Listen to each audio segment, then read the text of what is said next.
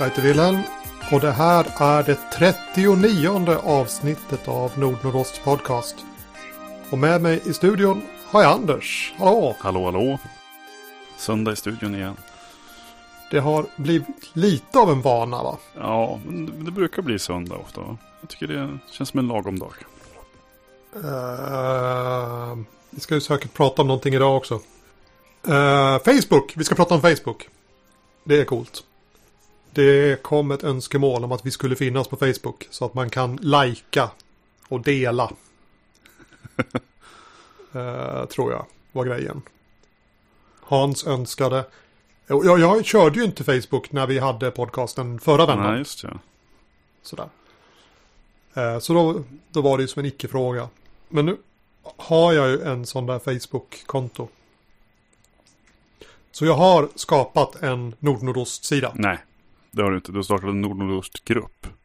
Okej, okay, och det är någonting annat? Ja, det är någonting annat. Det, det, jag, det, betyder att det är mindre envägskommunikation och mer lämpligt för er som faktiskt vill småprata med oss. För man kan göra egna inlägg som syns lika mycket som våra inlägg och sådär. Coolt. Ja, eh, och därmed insåg vi väl hur mycket koll jag har på Facebook då. Men okej, okay, vi har en grupp på Facebook. Ja, vi har en grupp på Facebook som heter Nordnordost. Heter den. Och om ni hittar en till grupp som heter Nordnordost så är det en intern grupp. Men det finns en offentlig grupp. Klicka på den eh, och häng med oss där. Ja, precis. Den där andra gruppen är något sånt här eh, otroligt internt för administration inför konvent och sånt där. Så att där missar ni nog inte något coolt spelsnack. Nej, inte alls. Men, men alltså jag tror inte man kan se den om man inte är som direkt inbjuden. Jag tror inte det går att söka fram. Men ni kan ju rapportera om det. Ifall ni missar den. Nej, nej precis. Det kan, det kan mycket väl vara så. Att, att du inte behöver ja. råka snubbla över den. Jo, eh, förra avsnittet. Det var katastrofalt ljud. På mig. Och det fick vi ju då höra att det var det sämsta ljudet ever. Mm. Och det fick ju sin förklaring. Eh, jag skyllde på mixern. Men det är inte mixerns fel. Det är mitt fel. För jag hade ställt in Audacity på att spela in på mikrofonen. Och jag tänkte ju att det var ju min mikrofon. Men det var datorns mikrofon som den körde på då. Och med tanke på att det då förra avsnittet spelades in på mikrofonen som sitter på min laptop. Så får jag säga att jag var imponerad över hur bra ljud det blev. Men det är förklaringen. Och nu är det då den externa mikrofonen. Så att det guppar inte lika mycket av mina mätare. Jag tror att det blir bättre ljud den här gången. Hurra för det. Hurra för bra ljud. Uh, nytt sen sist då. Jag har varit bortrest. Jag har haft semester. Uh, och semestern tog vid efter att jag hade varit på en konferens. Men konferensen var om uh, så här agila arbetsmetoder för programutveckling och sådär. Inte alls med rollspel att göra. Men vi hade en övning dag två som jag tycker var ascool och den borde vi köra på ett konvent. Mm -hmm. De kallade det Open Space. Ja, du får mig att tänka på kontor eller rymden. Vi får se, vad, se, se vart vi hamnar. Ja, precis. Men det hade inte alls med det att göra. Ja. Utan alla som var på konferensen var välkomna till deras Open Space. Och där fanns det en, eh, en, en dagordning så här. Vad ska vi göra mellan 10 och 1, 11 och 11 och 12 och sådär. Ja. Och det fanns inga aktiviteter. Utan det var bara som tidpunkter. Och så fanns det post-it-lappar och pennor. Och ville man då ha en diskussion om någonting. Eh, om vi tänker oss rollspelsperspektivet då kanske. Jag vill ha en diskussion om, om, om skadesystem. Eller jag vill ha en diskussion om vad jag ska göra med mitt äventyr härnäst. Eller eh, är det någon som vet någonting om eh, att trycka på podd eller vad som helst liksom. Så skrev man liksom ämnet på en post-it och så satte man den på kalendern. Och, eller inte kalendern, på, på dagordningen, på schemat. Och Eh, så fylldes det på sådär, folk som ville prata om olika saker. Och så fick man då snabb-pitcha sin grej på typ 30 sekunder eller något sånt där. Och sen så gick alla och liksom flyttade lapparna så att de skulle kunna bygga sig ett schema av aktiviteter under den där dagen som de med saker de tyckte var spännande. Och det var vilda västern och man fick flytta hejvilt. Så länge ingen protesterade. Och ifall någon protesterade försökte man flytta så att de också skulle funka liksom. Och sen blev det började aktiviteten och då var det bara att titta på vad som skulle diskuteras på. De hade typ fyra olika sittgrupper eller något sånt där. Och så kunde man gå dit och så kunde man prata om det där. Och om man inte tyckte att det var så spännande som man hade trott så var det bara att ställa sig upp och gå därifrån. Och det var som helt okej. Eh, och det visade sig att en del saker som var på programmet var ingen som var intresserad av att prata om. I slutändan då. Eller inte tillräckligt intresserad i alla fall. Men det var häftigt. Och nu pratade vi ju när jag var på den här konferensen om, om mjukvaruutvecklingsnörderier då. Men jag tror att det skulle bli coolt att köra en sån där på ett lite större konvent. Så att man är några stycken och så prata om typ spelutveckling eller spelledande. Det blir lite grann som en paneldiskussion fast mer småskaligt och, och mer direkt kopplat till saker som man är intresserad av. Det låter intressant. Det är lite svårt att visualisera exakt hur, hur den här mellanprocessen går till. Men att det finns lappar och men att man kan gå någonstans. Men eh, huggsexa alltså på, på att bygga schemat alltså. Ja, jo, precis. Man, man, man, alla pitchar sina saker och så det fanns typ fyra olika sittgrupper man kunde vara i. Och så satte man sin lapp på den kolumn som representerar den sittgruppen. Men jag vill vara i biblioteksgruppen, eller platsen. Och jag vill prata om det här. Ja, just och det. någon men, annan, ja, jag vill ja, vara i matsalen och jag vill prata om det här. Ja, precis. Men jag vill gå på båda de sakerna så jag flyttar in lappen till nästa ja. timeslot så att, så att de inte ska krocka just nu. Ja, precis. Ja, men just. Ja, uh, och då kunde det vara någon som sa, nej men det funkar ju inte för att jag vill gå på den här grejen. Uh, och då man kan vi göra som flyttning då så att till slut så blev nog inte alla 100% nöjda. Det tror nej, men det. Men, men, men alla kunde ju då i alla fall gå på sin coolaste grej då. Det som de allra mest ville och några till då. Mm, mm. Schysst. Som, eh, dro ja, som drop-in eh, konventsarrangör, eller jag på säga. Drop-in eh, spelevenemangsgrej i, i form av grottröj och sådär. Så ser jag ju det där som en eh, snegla, på det där som bara, skulle det här gå för att boka spelpassen liksom på en speldag för man inte har fast schema innan och sådär. Kanske, möjligen. Första året jag var på Halmikon gjorde de typ det. Uh, fast då hade de samling inför varje slott. Och så pitchade, då, pitchade spel inför varje slott. Och det är så det funkar på Grottröj idag. Liksom. Ja, precis. Alla samlas och sen så pitchar spelledarna och så ser man vilka det finns intresse mm. och så går de och spelar. Ja, det kanske är enklare så egentligen. Än att börja planlägga någonting och folk faller ifrån. Ja, ja, ja, ja precis. Lite sådär. Men vart, vart var det jag ville komma? Jo, på den aktiviteten som jag var på, som jag tror att det skulle kunna vara om man har lite mer paneldiskussionsgrej, var det här viktiga, de strök under det. Uh, rösta med fötterna. Eller det är okej okay att gå ifall man inte tycker att det var det man trodde att det skulle vara. Och gå till en annan grupp och prata om det som de gör istället då. Mm. Jag tror inte att det användes så mycket, men det gav ju ändå folk eh, chansen att våga chansa på någonting. Så, ja, men det, det här skulle kunna vara helt fantastiskt, eller så rör det mig inte alls. Men, men jag går och lyssnar först och kollar vad det är för någonting. Mm. Ja, det är schysst. Och en del hade som, jag vill hålla ett föredrag. Och så höll de ett föredrag på en halvtimme eller något sånt där och så var det lite eftersnack. Och en del var, jag har ett problem i min, min roll som teamledare och jag vill diskutera hur man skulle kunna lösa det eller hur fan ni har Uh, ifall ni har stött på det, vad gjorde ni liksom? Så att det går ju att göra lite olika saker av det där. Och det behöver ju inte vara så förtvivlat ambitiöst. Mm. Vår, vår vän uh, Mattias, som har varit på podcasten vid något tidigare tillfälle, han, han sa, men jag vill köra en grupp, vi ska prata om den här uh, processen och hur den funkar i stora organisationer. Och det var vad han hade förberett. För att han jobbar, han jobbar ju liksom med det till dagligdags. Sen så samlades folk och så började man prata om det och så man, såg man vart det skulle bli. Det var inte riktigt, det var inte ett spikat föredrag och det var inte någon direkt fråga heller utan det var, jag vill ha en allmän diskussion inom det här området och se vad som händer. Och det var många som var intresserade av det där så att han fick gott om besökare och de hade tydligen fått ut en del av att sitta och bara prata om en specifik sak. Att det fanns en, ett, ett tema för diskussionen och så tog de det vart det, vart det gick liksom. Schysst. Efter konferensen då?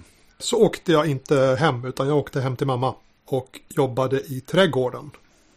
Jag eh, rensade hängrännor och beskar ett plommonträd och krattade löv och sådär saker som man gör på hösten. Som om du vore en häxa i en häxa och kattande med. Ja, precis. Eh, och så hade jag med mig laptopen och så skrev jag på CM77. Massor, massor, massor. Uh, och så när jag kom hem så laddade jag upp det där på rollspel.nu. Så ifall det är någon som är intresserad av det senaste av det coolaste på CM77-fronten så ligger spelet i den vanliga gruppen. Vi kanske kan länka till den här diskussionstråden i show notes. Det tycker vi ska göra. Ska du säga någonting mer om vad CM77 är också ifall det är någon som missar det avsnittet och kommit in senare? Det kan vi göra. Alltså det, det är inte riktigt elitistiskt att hålla på och förklara våra termer sådär. Men, Eh, CM77 utläses Cyber M slash 77. Och det är ett klassiskt svenskt rollspel. Eller samma stil som klassiska svenska rollspel. Och det är ett cyberpunkspel. Och det ligger ju rätt i tiden med Blade Runner och Ghost in the Shell och grejer som, som rör sig nu. Och jag skriver det för att det ska vara som att spela på det gammaldagsa viset. Jänkarna har ju sin OSR. Sådär, och den är ju som att spela som man gjorde på slutet 70-talet, början 80-talet. Inte riktigt så, men i alla fall, det finns en tanke där i alla fall. Men det är ju för resten av världen. Sverige hade ju sin egen rollspelsstart. Kanske inte i Dungeons and Dragons utan i äventyrsspelsprodukter. Och eftersom inte de har levlar och de har inte riktigt samma fokus på att röja i grottsystem och att banka monster och sådär. Så spelar man dem på ett lite annat vis. Och det är ett retrospel för att spela på det viset som jag vill göra. Och det är ju i ropet nu måste jag säga, att hålla på med sånt där. Ja, retro är ju överallt på något vis. Eh, precis, både att, att vurma för det här 80-talet, vilket känns väldigt naturligt för mig som 40-åring, men jag antar att det börjar kännas lite konstigt för typ 90, ja kanske inte 90-talister, men ja men kanske. Och 00 80-talsmänniskor och sådär. Att, att vurma för Transformers och uh, fluffigt hår och Benvärmare. konstig syntmusik. Men det är tydligen en, en, grej som slår även utanför vår generation som växte upp i det där. Det är väl inte förvånande. Eh, när jag var mindre så, så fanns det en del grejer som var hiskeligt fula och sen efter ett tag så började jag tycka de var skitsnygga. Eh, och då är det ju ofta 70-talsgrejer. Jag är ju helt inne på på 60-70-talsgrejer nu för tiden fortfarande. Eh, Medan kanske mina syskon då som växte upp på 70-talet fortfarande tycker en del av de här grejerna är hiskeligt fula. och gärna låter det bli. Så att det, det är inte självklart att man vurmar för sitt eget liksom heller. Ja, jag har hört kollegor som har fasat över, vad heter det? Furudröm. Gillestugor. Med furupanel och sånt där. att det är det vidrigaste som finns. Uh, men, men det är äldre kollegor liksom. Det, det, är ju liksom en sak av deras, ja, av deras uppväxt kanske. Men, men som var på avtagande där på 80-talet. Mm. 90-talet. Eller, det var, jag kan inte tänka mig att det var någon som i början på 90-talet sa vi borde ha ett hus och i den ska vi ha en gillestuga med furupanel på väggarna. Nej, det är nog inte mycket nybyggt i den stilen. Nej, det, har jag svårt att tänka mig. Men hyttemöbler, alltså det är ju, det är ju in, de här tunga, tjocka eh, furumöblerna. Det är fortfarande lite av en grej tror jag i, i norska stugor. Att den hyttestilen, stugstilen liksom är, ja. är någonting. Jag, vet, jag, har förstått det som. Det kanske, det kanske är hipstrigt. Jag, vet, jag har inte inblick riktigt i det. Jag, jag har bara förstått att det är en grej på något vis. För någon i alla fall. Mycket av barndomens rollspelande gjordes ju i en sån där gillestuga med just de här rustika bruna möblerna liksom. Jag kan tänka mig att om jag hade ett hus att jag skulle kunna ha ett rum som var sådär. En riktig gillestuga med sådana här rustika möbler. Men jag tror att den jag skulle dela huset med skulle eh, överväga att säga upp relationen ifall det blev så. Men fördelen det skulle väl vara den gamla stilen att gillestugan ska ligga en trappa ner liksom på källarplan ja. i princip. Så att man inte nödvändigtvis behöver gå dit. Om man inte vill. Det, det jag framförallt ser framför mig med den här gillestuga det, det, det är att jag, fasar över över att folk går in där och tittar på mig och säger åh fult det är och så målar de allting vitt eller så här mjölkigt vitt. Och det, det tycker jag är ännu värre. Lite shabby chic sådär, ja. ja låt, låt, det vara, låt det vara den där lackade furun bara eller, eller om det bara är obehandlad furu till och med. Antingen låter det vara eller så gör det om det fullkomligt. Men den här vitlasyren eller någonting. Alltså det, nej, då, ska jag, då kommer jag överväga att söka upp er. Och kissa på era spel. Spelpolisen eller Gillestugspolisen kommer ja, precis. uh, hur hamnade vi här egentligen? Ja, uh, Cyber M77. Exakt. Mitt, mitt uh, rollspel som ska spelas i gillestugor. Eller av folk Ja. som hopp, önskar att de hade en gillestuga. Ja, men precis. Du, jag- jag, jag noterade att jag klickade på, eh, på eh, nya rollformuläret. Noterade att det stod kortsiktiga och långsiktiga mål. Ja, Kom det till efter vi poddade om sådana här saker? ja jag, jag skriver ju det här spelet och, och jag vill att det ska vara en sak. Och det är liksom det här återblick till 80-talet och början 90-talet kanske. Då man spelade äventyr. Och äventyren är som, ja de har en tydlig början, de har lite utmaningar på vägen, de har en ty, ett tydligt slut med en uh, slutstrid sådär. Och så när man, när man är klar med slutstriden då har man liksom det här sense of accomplishment. Jag vann äventyret, vi klarade av det. Sådär. Och det är ju ett sätt att spela. Och det vill jag ha stöd för. Men samtidigt så sitter jag ju då som hippie och tänker Alltså jag, jag, vill att andra människor ska spela på det viset. Men jag själv vill ju inte spela på det viset. För det är ju urbota fånigt. Eh, Curve-distansen liksom, man måste ha den. Ja, reglerna är där helt och hållet. Eh, boken är där helt och hållet. Du ska kunna ta de här klassiska gamla konventsäventyr eller eh, produkter utgedda till något annat sånt här cyberpunkspel vid tidsperioden. Och det matchar liksom. Mm. Ja men det har en början, vi har utmaningar, vi har ett slut och så vann vi liksom. Coolt, vi fick lite nya vapen på slutet här till nästa äventyr liksom. Det ska finnas där, det där ramverket. Men det ska också funka för det här sättet som, som till exempel vi spelar eh, den yttersta domen nu. Eller som när vi kör det som vi kallar, ja, vi kör en kampanj. Och på 80-talet när man körde en kampanj, ja men då spelade man Svavelvinter och då var det som en serie äventyr som var hoplänkade. Där man liksom spelade första äventyret, fick lite coola skatter och sen så bra vapen och sådär. Och sen så gick man in i nästa äventyr, hade man de vapnen från förra så var man lite bättre. Och så där blev rollpersonerna episka på slutet med jättebra vapen. Men när vi pratar om kampanj, i alla fall i, i den nuvarande Nord-Nordostgruppen som spelar Yttersta Domen, så är det inte riktigt det vi pratar om, utan vi pratar om en, en serie spelträffar. Ja, vi träffas många gånger och spelar, men det finns inget äventyr egentligen. Det finns händelser, det är kanske sandlåda eller det är en fisktank eller något sånt där, så att man spelar det kan vara plot arcs som väver in i varandra. Ett mer ett inte riktigt lätt fram, äh, rättframt berättande helt enkelt. Det är mer som en tv-serie Mm. än som en äh, episodisk tv-serie eller en film. Om vi tänker, whatever, MacGyver. Där är man ju tillbaka i utgångsläget i varje avsnitt, om det inte är ett dubbelavsnitt. Då, men kanske är det någon enstaka, någon viktig SLP som, som dyker upp, eller viktig bifigur som dyker upp några gånger. Sådär. Men i stort sett så utgår man från, från scratch varje gång. Mm. Och det är ju det arketypiska äventyret. Sen så rollspelarna, ja men jag fick ju ett tvåhandsvärd i förra äventyret, får jag ha med mig det i det här äventyret. Och jag slog ju perfekt, så jag fick erfarenhetspoäng. Visst är jag lite bättre nu när vi körde igen? Ja men det är lite bättre den här gången. Så, så kör man ett nytt äventyr, en ny, ett nytt avsnitt som ändå har sin egen eh, helt samlad ark av händelser. Liksom. Ja, det har en början, lite utmaningar och så en slutstrid. Liksom. Ja, precis. Men det är ju inte så jag spelar rollspel. Jag spelar det som jag då har valt att kalla kampanjboken i det senaste utkastet. Och det är kanske ett lite olyckligt valt namn för att det är inte längre bara en serie ihopknutna äventyr på det där viset. Utan det är det här öppnare berättandet där rollpersonerna kanske har sina egna agendor och det finns saker som rör sig i spelvärlden som spänner över flera spelträffar. Och så är det flera sådana här eh, historier som vävs samtidigt och tar vid i varandra och sådär komplext. Och den har som inte något riktigt slut heller. Vi har inte definierat när ska vi vara klara. Det finns inte någon punkt där vi säger och när det här har hänt, då, då är kampanjen slut. Utan vi spelar tills vi tappar intresset.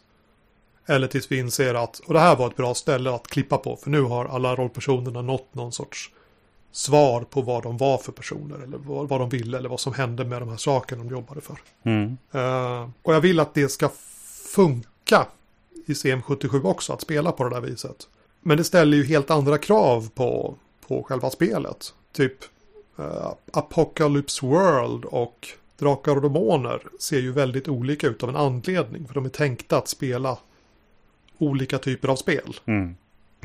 Men jag vill att eh, CM77 ska vara Både och. helt tydligt ett äventyrsspel. Sådär, ett spel att spela äventyr i. Ja. Men det ska inte falla sönder om jag vill spela kampanj. Så det finns ett annat erfarenhetssystem för att, som lämpar sig bättre för kampanjspel. Okej, okej. Men Fiffigt. När det, inte, när det inte längre finns några äventyr liksom. Mm. När det inte finns de här klara, tydliga utmaningarna som ger erfarenhet och skatter. Utan det är som ett mer flytande, kanske mer lågmält spel på något vis. Men det är också ett spel som handlar mer om, om rollpersonernas inre liv än vad rollpersonerna faktiskt gör och vad de uppnår. Mm. Schysst. En sak till innan vi släpper CM för den här gången. Uh, ja, vi har den här tråden på rollspel.nu där vi diskuterar spelet. Jag och uh, ett antal fantaster. Och där har jag då postat ett erbjudande att ladda hem betan, det är gratis. Och skriv någonting till spelet och skicka till mig. Så blir man listad som medkonstruktör. Och man får en pdf av det slutgiltiga spelet med illustrationer och sånt där. Nu finns det inga bilder och sådär. Eh, och det är ju då sanslöst dåligt betalt för att skriva spel. Helt otroligt dåligt betalt. Eh, men om man tycker att det är coolt att skriva rollspelsgrejer och kan tänka sig att göra det bara för skojs skull. Om man vill vara med i det här projektet som redan har tiotalet eh, deltagare som har skrivit mer eller mindre omfattande kapitel. Så är det inte för sent. Det går att haka på. Och det finns en post om hur man ska göra och sådär. Och nu vill jag påpeka här, för jag, jag läste det där och det, det jag gick igång på var ju inte det här eh, skriven rollspelsgrej per se, utan det jag tyckte var coolt bara. Eh, har du lust, skriv 400 ord, tecken eh, mikrofiktion som jag kan lägga in i marginalen någonstans. Så att om du, om du tycker om att skriva men inte skriva rollspelsgrejer, fundera om du har eh, en kort cyberpunk-scen att, att bidra med. Det blir jag lite taggad på. Får se om jag kommer på någonting eller inte. Ja, precis. Det skulle ju kunna vara en, en, en novell sådär. På 400 ord och det är en hård utmaning. Men det kan ju vara mycket mindre. Det kan ju vara som en scen ur en större historia. Och plötsligt bara så finns de här personerna. Man får inte veta riktigt hur det gick. Men man får se liksom ett brottstycke av deras berättelse. Jag tror det kan vara coolt ifall det är eh, lite fler Ja. perspektiv. Jag Ja, har just stoppat in 400 roman i. Och 400 ord. Det är ju väldigt skillnad på Ja, 400 ord och 400, 400 tecken. ja, 400 tecken ska det vara va? För då Ja, ryms det i marginalen på en sida. ja, men det var det jag tänkte. Det, att det, det, det, Jag, ja. mm, var mer än 400 tecken så måste jag hålla på och dela upp det sådär. Det Mm. kanske går att göra det också. Men ja, men då, då, får man, då får man vara smart och, och, och eh, skriva, skriva dem som, som separata redan från början när man lämnar in dem och säger det här är en liten serie. ja, De behöver inte ligga i ordning ens. Man, bara, man kommer ju bara trigga på att det är samma namn liksom. ja. Förutsätter jag. Jag, jag, vet inte om jag har nämnt det på podden förut, men det är, det är en grej jag kommer tillbaka till då och då. Jag, jag har säkert nämnt det på podden förut. Eh, när jag läste Neuromancer och William Gibson liksom. Så, så gillar jag så jävla hårt den här grejen att han presenterar vissa saker och säger inte ett skit om vad det är för någonting, utan det är ditt problem. Du får fylla i den luckan själv. Mm. Eh, och den typen, den typen av skrivande. Och det, det är ju liksom mikrofiktion behöver det, höll jag på att säga. Det är ett grepp man nästan behöver ha. Där. Det måste lämnas Ja, en man, del man, har inte plats att, man har inte plats att förklara allt. Ja men precis. Ja men. Uh, men svart och svart konst är coolt. Alla fall svartkonst är coolt ja. Det var eh, Black Friday. Så amerikansk högtid som firas med att man köper saker. Mhm. Och Fria Ligan hade Black Friday i sin webbshop. Och Fria Ligan har också det här Spindelkungens förlag. Där de använder sitt stora nätverk och sina muskler för att ge ut indiespel. Eller småskaliga spel. Sådär. Mm. Och det är ju fantastiskt behjärtansvärt. Och de säljer svärd och svartkonst. Och jag har som gått runt och väntat på att det ska komma en pdf-utgåva av svärd och svartkonst. Men det gör det inte. Det kommer bara pappersböcker. Men nu när det var sån här uh, svart fredag så beställde jag svärd och svartkonst. För att det är coolt. Ja. Rådspel Sveriges mest rosa bok. Skulle jag tro. Ja, den ligger nog väldigt bra till. På utsidan sådär. Det är nice. Jävligt grym omslagsbild. Bra spel. Ja, precis. Och, och det var ju en lite besvikelse. Mhm. Sådär, för att jag höll ju på där och spånade på att jag skulle göra mitt mörka hål. Ja. Alltså ta mörka hål-kampanjen. Som då var, eh, ja, massa, massa coola husregler och, så, och göra mitt eget OSR-spel. Och så gjorde de svärd och svart konst. Och nog för att det kan vara trångt i en nisch sådär. Men det är jävligt tufft att tävla med svärd och svart konst när det gäller att göra OSR på svenska. Ja, ja det skulle jag nog säga. Ja. Eh, för att det är ett ja, otroligt gediget arbete och heltäckande. De har inte lämnat så mycket glipor där utan det är som det finns mycket bös i det. Absolut. De har ju dammsugit och kollat igenom en jäkla massa eh, Dungeons Dragons, olika utgåvor, olika OSR-spel och sådär. Och tittat och plockat och, och, gjort om och bakat och stoppat in eget och sådär. Så att det är ju, det, det har ju gått mycket arbete ner i det, det är absolut. Uh, och, och, det är ju jag som tycker att det är lite trångt. Alltså det finns ju de som inte tycker att det är trångt och har gjort jävligt coola grejer. Till exempel Blood and Browns. Men det är på engelska. Mm. Och det, det, är ju liksom, ja visst det är OSR men de gör verkligen en helt annan grej av det. Jag tänkte det... att, ja men Mörka hål skulle vara typ vanlig klassisk mainstream OSR och sådär. Ja, jag tror inte att det skulle någonsin bli så riktigt. Beroende på hur man ser på saken. men, men, men absolut. Eh, det, det är en del andra lite OSR, svenska OSR-grejer på G sådär lite grann. Men då är det ju ofta, mm, eller ofta, då är det väl lite mer eh, kanske utgångspunkt med, med typ Black Hack eller inte Odd. sådana här, eh, de här tunna, lite mer, eh, jag vet inte vad jag ska säga. Mm, eh, det är ju spel, de har abstraherat mycket av grundspelet så att säga. Eh, Svärd och svart Queens and Quests är väl ett sånt där svenskt. Och Whitehack är ju svenskt också. Whitehack är svenskt också. Jag tänker på Kult Örtmästare som, som fortfarande mest är viskningar på, på, på sociala medier. Liksom, kanske. Eh, och lite sådana grejer. Så det finns ju, det ju andra typer av nischer. Men, men, när det gäller det här typen av, det som Labyrinth Lord till exempel är för eh, OSR, engelskspråket. Eller eh, Lamentations, att det är ett av de här gedigna grundspelen. Liksom. Det, det, jag tror inte det finns så himla mycket vits att göra flera sådana än, än, än svärd och svart konst. Liksom. Men, men Mörka hål, vad, eh, har du någon annan idé för det? Då, eller? Precis som jag var tvungen att förklara CM77 så kanske jag ska förklara Mörka hål också. Sådär. Och det började ju med eh, han själv. Mm, jo. Vi hade knytkonvent och du körde ett Labyrinth Lord-äventyr sådär. Jo, men det var det. Nu, nu, nu tänker jag efter här. Eh, det var det ju för att eh, fotade jag där. Då, då hade jag med mig dominobrickorna. Eh, och då hade jag gjort spelledarskärmen också. Som, som jag har. Eh, vi kanske kan, kan ta en, en länk till det i, i show notes också. Så kan du få se hur man gör en spelledarskärm. Ifall ni inte har gjort någon än. Gammalt YouTube-klipp. Ja, men det ska, vi göra. det ska vi göra. Men du spelade i alla fall ett av dina äventyr. Som då heter Den visas ton. Ja. Sådär. Och vi hade enormt trevligt. Och sen så åkte du hem igen och Frida tyckte att det här ska vi ju spela mer av. Och eh, hon drog då ihop några av sina vänner och så var jag eh, Dungeon Master. Och vi körde, vi körde vidare liksom på Den visas torn. Ska inte spoila äventyret här men det finns ett torn i detta äventyr. Mm, det finns ett torn i äventyret. Eh, det finns ett torn i äventyret. Och vi utgick från att det som hände i det där äventyret hade hänt. Och den, det tornet fanns. Men vad fanns det runt omkring tornet?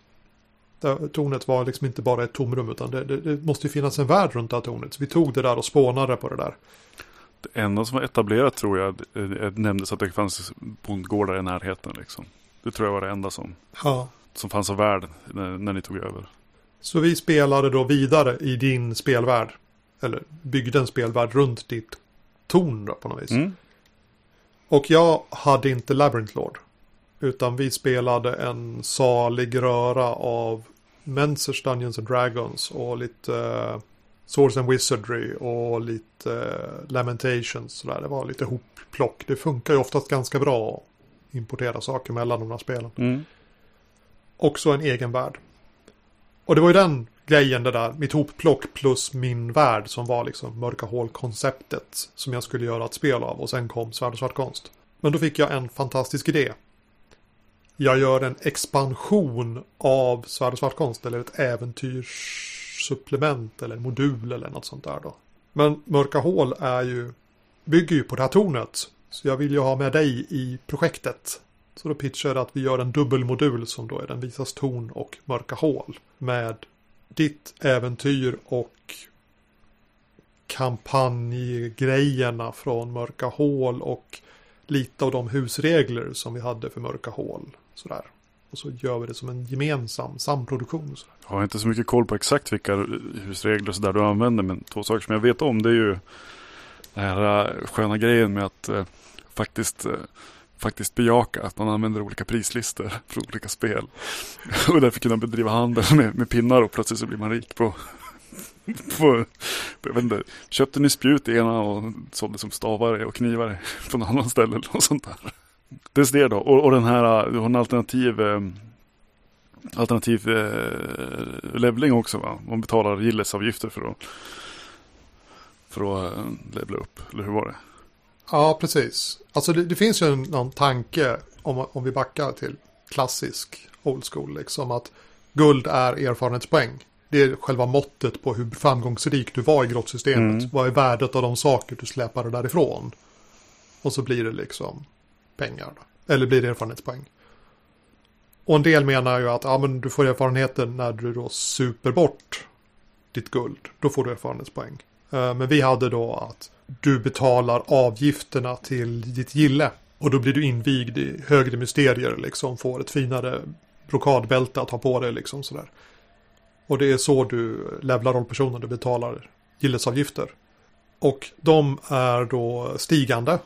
För varje ytterligare nivå av invigande i den här eh, gillet så ökar det. Så att spelarna kunde ju då, om de kom ifrån ett äventyr med hyfsat med skatter så kunde de ju betala gillesavgifterna åt sina henchar också. Så att de hade bättre reservrollpersoner ifall någonting hände eller ifall de ville ha mer nytta av sina henchar så var det bara att betala deras gillesavgifter också. Och jag tyckte det var ett ganska roligt sätt att spela. Det sätter ju en, en prägel på det hela. För jag vet ju att, jag tror du, jag vill minnas att du körde någon, ehm, någon typ av eh, alternativ variant att man, man dör inte automatiskt utan man blir tillfångatagen ofta och så, och så fortsätter man äventyret istället. Och tillsammans med den här gillesavgiften så får du ju lite grann av en typ känsla av japanska RPG'n. Eh, jag minns att det var någonting sånt, sånt som poppade upp i bakhuvudet på mig ganska tidigt nu. Nu pratar om vad den här, när ni börjar köra mm. liksom. Ja, det, det, mysigt. Verkar ju gött. Uh, och när detta sker i tid är väl lite osagt. Jag har lite spelprojekt på gång sådär och du har kanske lite grann att göra också. Men, men vi har bestämt att ja, vi ska göra det här. Sen är det frågan om, om, om, när det blir av. Det får vi väl se då. Men, men det, det, det ska komma en, en dubbelmodul till svärd och svartkonst. Kanske nästa år. Kanske. Kanske. Kanske. Vi har ju texten, alltså till Mörka Hål-spelet. Det finns ju liksom tabeller och texter och sådär.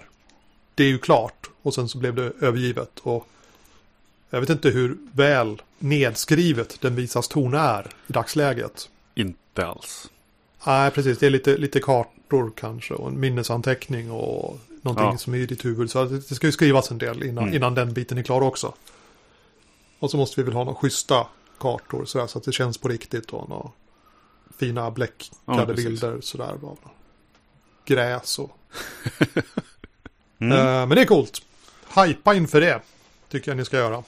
För min del så ett par andra grejer ni kan få hypa över som kommer lite närmare i tid. Faktiskt uh, finns i, färdiga i tryck nu och ligger på något lager någonstans. Uh, jag är ju förtjust i Hjältarnas tid. Christer Sundelins nya spel här. Som är väl den beroende på hur man vill se det, den nerdummade versionen av järn. För oss som tycker järn är lite, lite, lite för fiffigt. Christer skriver så fiffiga spel. Ja, ja, Hjältarnas tid hamnar på min nivå. Eh, men det kommer nya böcker till, till Järn och Hjältarnas tid nu strax. Världsträdets grenar som var eh, expansionsboken till Järn som var med som stretch goal tror jag. I kickstarten. Det började ju vara liksom två år sedan drygt. Som är, nu finns. Och där är det ju lite av ett verktygslåda, får man väl säga. Det är ju någon sorts eh, mer mundana som miljö till järnsregler till exempel, så Eons värld. Eh, eller att använda Christers eget västmark för att göra. De har gjort om det här klanskapandet järn till ett länsskapande istället. Och det är jag då som bloggat och pushat för Saga, eh, Saga Games, Saga liksom. eh, är ju väldigt positiv till det. För det är ju ett verktyg som går att plocka in. För att göra miljöer och sånt där. Till det spelet eller massa andra medeltidish spel liksom. Så det ser jag fram emot. Det kommer att trilla ner i brevlådan någon gång framöver. Så det kommer något nytt äventyr till hjältarnas tid. Eh, Greve Kalaris skatt. Kalaris kallar det. Jag vet inte riktigt exakt hur det där ska vara men jag säger Kalaris nu så får vi se vad som händer. Jag vet ingenting om det förutom att det är väl ett äventyr. Och eh, det tycker jag är positivt för att ju mer äventyr det kommer till, till hjältarnas tid desto mer eh, vatten får jag på min kvarn av att folk kan sluta rekommendera Dodd 91 till exempel till folk som vill börja spela rollspel. För att hjältarnas tid är tillgängligt och bättre på de flesta plan liksom, förutom att det inte är din nostalgi. Hör du det? Och, ja, och dessutom är det ju tragiskt att de tar den dåliga versionen av, av Dodd och rekommenderar. Sådär. Det, ja, vadå? Men du, men du var ett expertkid va? Eller hur var det? Ja, jag är expert. Ja. ja, precis. Jag vet inte. Jag, jag har ju jag har kroniskt någon sorts motstånd mot expert för att det, det hissats på, på forum i så lång tid. Eh, det också. Eh. Men, jag började, första gången jag spelade Drakar och Demoner så var det Drakar och Demoner 91. Eh, det var en cool låda, cool låda som låg på en hylla och så spelade vi en gång och så var det häftigt och så spelade jag med mina kusiner ett par gånger. Eh, men det dröjde ganska länge in till typ 2001 eller 2002 innan jag köpte Dodd 91.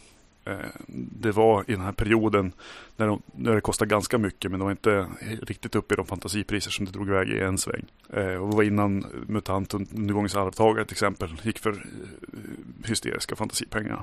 Men jag ska... Det går hyfsat dyra pengar fortfarande. Det där. Om, om man vill börja spela undergångens arvtagare idag så får man ju ja. ha, ha fyrsiffrigt på banken i alla fall. Ja, jo, jo. Om man, sådär, men jag vet inte. Eh, det gick ju enstaka böcker för typ tusen spänn, 1200 eller något sånt där. Jag, jag, vet inte om vi är där. Jag hoppas inte, höll jag på att säga. Jag vet inte om, om det skulle vara bra för hobbyn ja. på något vis eller inte. Men jag skaffade 91 i alla fall och vi spelade lite grann någon gång och sådär. Och sen så Sen så gick liksom det här uh, rosenskimret gick bort ganska ordentligt. Uh, kan man mm. säga. Uh, jag hade Kronopia sen innan. Det var bland de första grundböckerna jag köpte till spel. Mitt allra första rollspel var ju RuneQuest, tredje utgåvan som jag hittade på en loppis i London. Liksom. Men när det, när det till slut begav sig så då, eh, då krängde jag 91 prylar till en kompis. Men, men Draken och Kronopia, det har jag kvar i hyllan. För det hade liksom någon sorts värde. Utöver att det var dåliga regler liksom. Uh, men, men Kronopia är ju en, en skön grej. Jag tyckte inte alls om Kronopia när det kom. Därför att det stod Drakar Demoner. Mm. Ja, På omslaget. Och det är, det, det är nog det enda som är dåligt. Det och limningen av böckerna. Det är också katastrofalt. Men liksom uh, att det står Drakar Demoner. Därför att det är som en ganska schysst grej i den där ändå. Det är verkligen inte standard fantasy eftersom man är i den här eh, staden Kronopia och den är ganska uppskruvad. Den är otroligt gonzo egentligen. Det är väl den näst mest gonzoiga saken som getts ut på svenska tror jag. Ja, det är mycket möjligt. I alla fall i, alla fall i någon större ja. spridning och utan att ja, gräva precis. väldigt djupt i, i, i typ Eons böcker. Eh, men, men sådär, men, men det är liksom en schysst grej. Bortsett från att det står demoner på den. Eh, jag skulle väl kanske kunna tänka mig att, att, att spela Kronopia idag. Jag skulle nog inte egentligen nej, vilja nej, ha nej. de reglerna utan andra regler. Men, men, men, men sådär. Uh, men 91 är tragisk. Ja, men Kronopia är ännu sämre regelmässigt. skulle jag tro. Ja, så en, en, en. Men, men det märktes uh, att jag är en gammal farbror. Därför att den här projektgruppen som jag eller det här gänget, kretsen mm. runt CM77.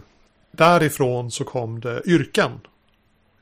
För uppenbarligen så måste man ha yrken om man spelar ett traditionellt svenskt rollspel. Och de är skrivna enligt eh, 91ans mönster liksom. Ja, vad är din yrkesförmåga? Du är ah, en fordonsförare. Just. Vad har du för eh, vad har du för yrkesförmåga? Det är det som är det centrala. Eh, och då skruvade jag lite grann på mig sådär. För att det är ju en 91-ism. Mm. Men då löste jag det genom att göra yrkena till en avancerad regel. Så att i grundspelet så finns det inga yrken och därför inga yrkesförmågor. Men för de som då tycker att yrkesförmågor is the shit.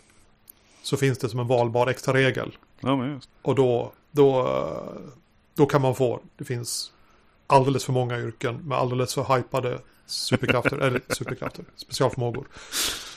Eh, så att det är som, det är gjort för att spela på det här gamla viset. Sådär. Och jag eh, har försökt att göra skillnad på vad som är bra och vad som är min objektiva, eller min, min subjektiva smak om saker som är bra. Sådär. Och försökt hålla, ha, ha med så mycket som möjligt för att många perspektiv skulle vara med. Så att det ska gå att använda till att göra många grejer, själva spelet. Eh, däremot är mycket av de, väldigt mycket av det som man kanske säger, och det är uppenbart att det går att göra så här i ett basic role-playing-spel. Det ligger inbakat i de avancerade reglerna. För att grundreglerna är väldigt nedskalade och enkla sådär. Det är mer eh, Drakar målet 2-nivå på det liksom. Ja, precis. Eh, på tal om nedskalat och enklare, du sa att hjältarnas tid är nedskalat av järn. Ja, i någon mån. Järn har ju här är typ tre sorters hitpoints höll jag på att säga. Gard och hälsa och själ eller något sånt där. Och taktikkort och sånt där. Eh, hjältarnas tid ligger mer mot en vanlig, vanlig jävla rollspelsstrid. Ja, du slår ditt initiativ, det är din tur. Ja, jag anfaller.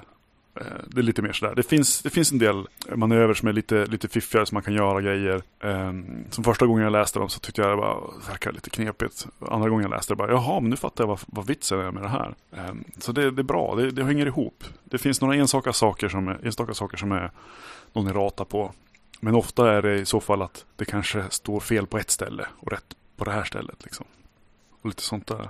Ja, annars är det ganska, ganska rakt fram. Ehm, det minns jag inte rakt av ifall det är inbakat i någon av järnprodukterna eller Hjältans men jag tror att det finns en väldigt tydlig mall för hur man skriver vissa saker till spelet också. Eh, om du vill skriva ett nytt värv, liksom ett nytt yrke till det här spelet, till sådär, så, så har du, finns den här mallen. Jag vet inte om det är bara en mall jag har sett för att jag känner Christer så att jag har liksom sett den någonstans på, på eh, i något Google Doc eller sådär.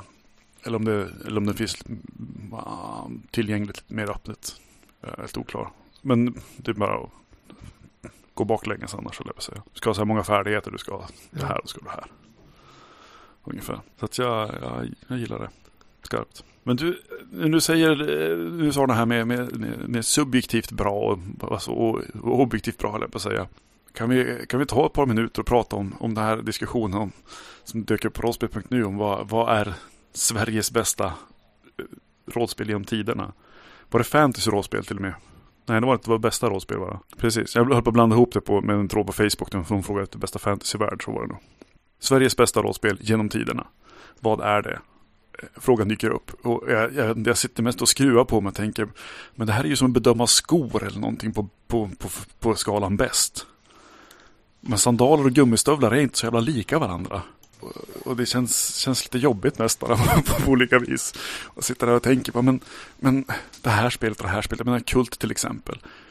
Kult har ett tungt namn. Det har en, en, en, ett värld och en, en mytologi som liksom var, var först att göra det där stort på något vis. Det är uppenbart att det finns ett värde där. Det är också ett skitdåligt spel sett till reglerna vad jag förstår. Så att så det blir väldigt så här intressant att titta på. Vad, vad är det som väger tungt här liksom och inte? Och i någon mån så eh, känns det som att man får liksom skyffla in upp det i två grupper på något vis. Det är några som försöker eh, lyfta fram spel givet någon sorts tänkt objektivitet. Och så den andra kategorin är ju vad gör mig mest spelsugen? Låter det som någonting som du känner igen? Ja, men jag håller med. Det är, eh, det är fruktansvärt svårt att säga vad som är den bästa bilen eller det bästa rollspelet. Eller den bästa pastasåsen. Och när den där diskussionen blommade upp så kom just den här den bästa pastasåsen tillbaka till mig. Det finns en, en sån här TED-talk om eh, en kille som hette eh, Moskowitz som var väldigt intresserad av eh, pastasåser. Och han jobbade då åt Campbells som vi känner igen från Warhols målningar. Sådär. Att på att ta fram den bästa pastasåsen. För de vill ju naturligtvis sälja den bästa pastasåsen för att tjäna mest mm. pengar. Men Moskowitz hade då listat ut en viktig sak. Det finns inte en pastasås som är bäst. Det finns flera som är olika men bra. Och han, han gjorde då liksom tusen varianter av pastasås eller något sånt. Fruktansvärd massa varianter av pastasås. Varierande på liksom hur salt den är, hur trögflytande den är, finns det klumpar eller inte i den liksom, kryddningen och sådär. Massor med olika. Och så provar han fram dem där och så ser man i eh, statistiken att det finns inte en sort som alla tycker är den bästa, eller en statistiskt snittet är den bästa eller något sånt där, utan det finns flera sorter som var för sig inom sin kategori blir favoriten. Och det hela resulterade då att han hittade att det fanns massor med folk som ville ha en, en klumpig pastasås. Och det fanns ingen som tillverkade det där. Det var, det var som en outnyttjad nisch. Men om de fick prova alla hans hundratals eller tusentals sorter pastasås så var det den där klumpiga som de tyckte var bäst. Och då började Campbell göra det där och de tjänade ju fantasiljoner med pengar på att tillverka inte den bästa pastasåsen, för det finns ingen pastasås som är bäst, utan att göra den pastasåsen som var bäst inom en kategori och dessutom i det här fallet så skapade de själva kategorin för att det fanns ingen annan som tillverkade mm. en sådan pastasås. Annat än kanske italienska mödrar hemma i köket liksom. Så det gick inte att köpa från butikshyllan en extra chunky pastasås. Och eh, det var den här jag tänkte på när folk började prata om det. Ja, ah, men det här spelet är bättre än det där. Och jag tittade på rangordningen i den där tråden bara. Ja, ah, det där spelet är nedanför det där spelet. Men jag kan ju tänka mig argument för varför de skulle byta plats mm. sådär. Och jag satt och lekte, spelade mitt spel där och försökte liksom, ja men vilken är det jag inte kan hitta något spel som slår? Som är längre ner i listan. Men det berodde helt och hållet vilket perspektiv jag hade. Ja, jag förstår det. Varifrån kom jag? Ja, men ska, ska jag spela just nu? Är det, är det den finaste boken? Är det det spelet som jag haft roligast med tidigare? Alltså att bara säga vad är det bästa spelet? Nej, men det, det funkar men, inte. Nej men precis, det väldigt lurigt. Jag, jag satt och försökte tänka om, om jag kunde svara någonting överhuvudtaget där liksom. Eh, och i, i någon sorts objektivitetskategori då, då hamnar jag kanske på typ E.ON 4 och Western 4. Och de spelar inte jag, jag har aldrig provat dem. Eh, men det är fina böcker. Jag, jag, förstår det som att reglerna antagligen hänger ihop bra. Men det, det, är inte min smak liksom. Och det finns väldigt mycket material. Men det är inte heller någonting som tilltalar mig egentligen. Men det, men det är kvalitativa produkter liksom.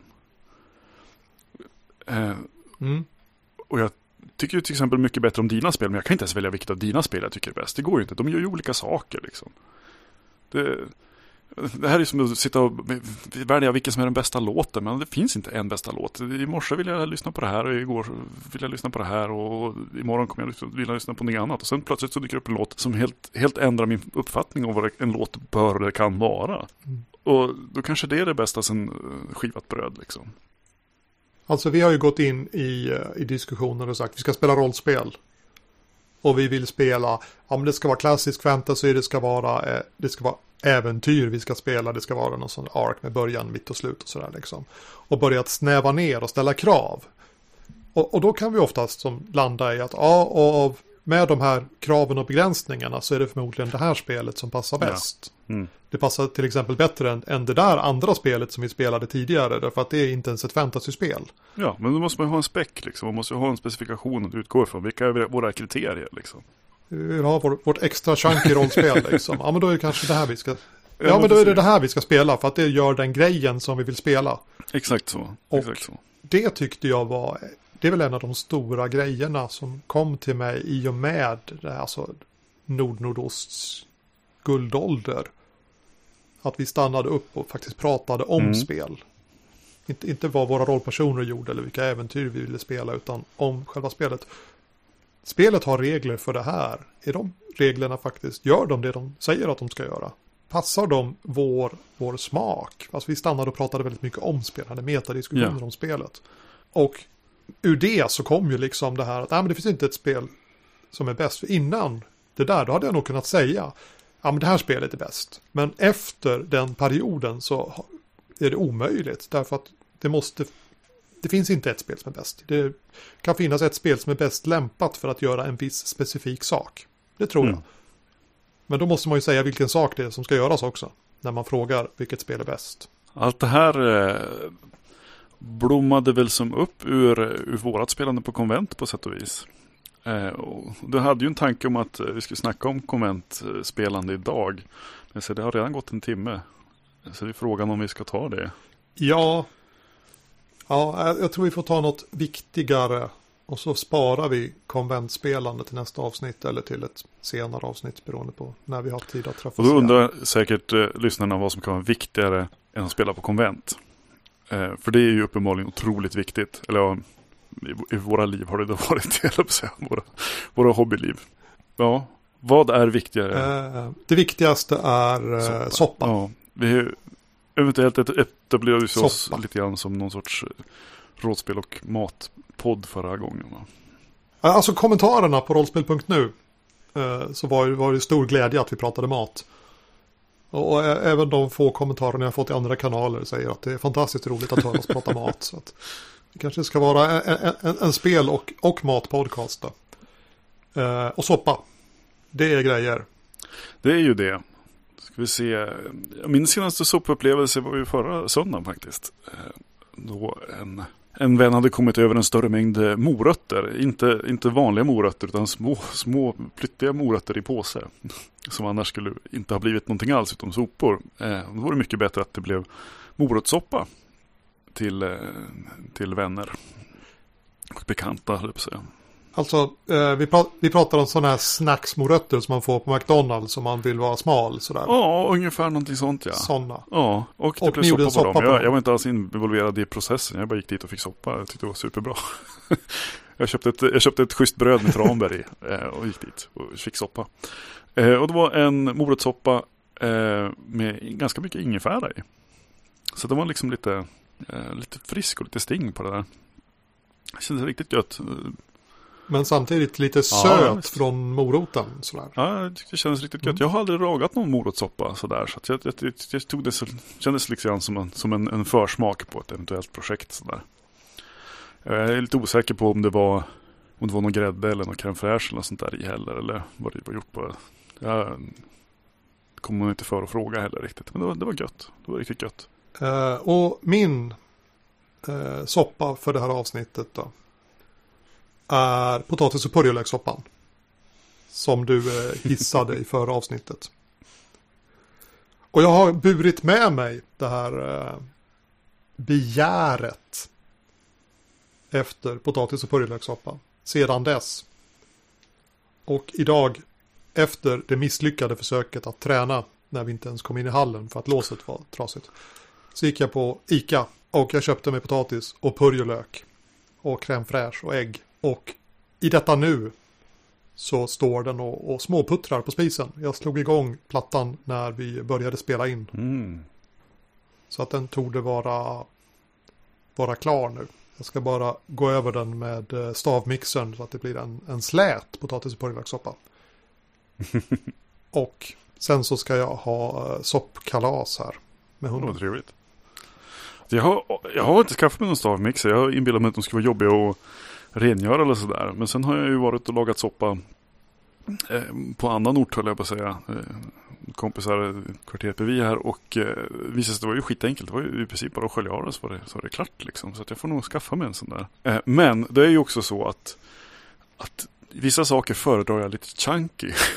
så att jag kanske inte ska, jag kanske inte ska gå för hårt fram heller. Får, får, får kolla lite grann. Ja men alltså, man, man måste ju inte köra precis hela soppan. Nej. Eh, jag har nog tänkt mig att jag skulle göra en, eh, en korvstroganoff ikväll istället för att hålla på med någon soppa. Eh, Plötsligt blev det ju vinter. Och då tänkte jag oj, nu, nu var soppsäsongen lite förbi nästan plötsligt. Eh, vi får väl se.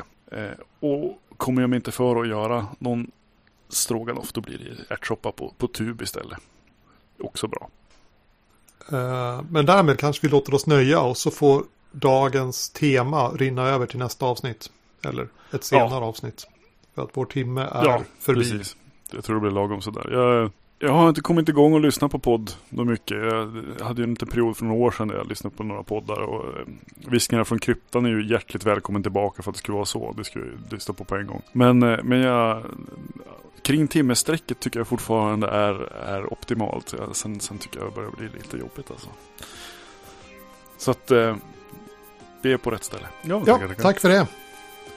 Eh, det luktar oroväckande mycket soppa. Jag borde kanske flaxa ut i köket och kolla att den inte... Att den inte är överallt och har, har tagit över nu. Invasion. Ja, precis. Ja.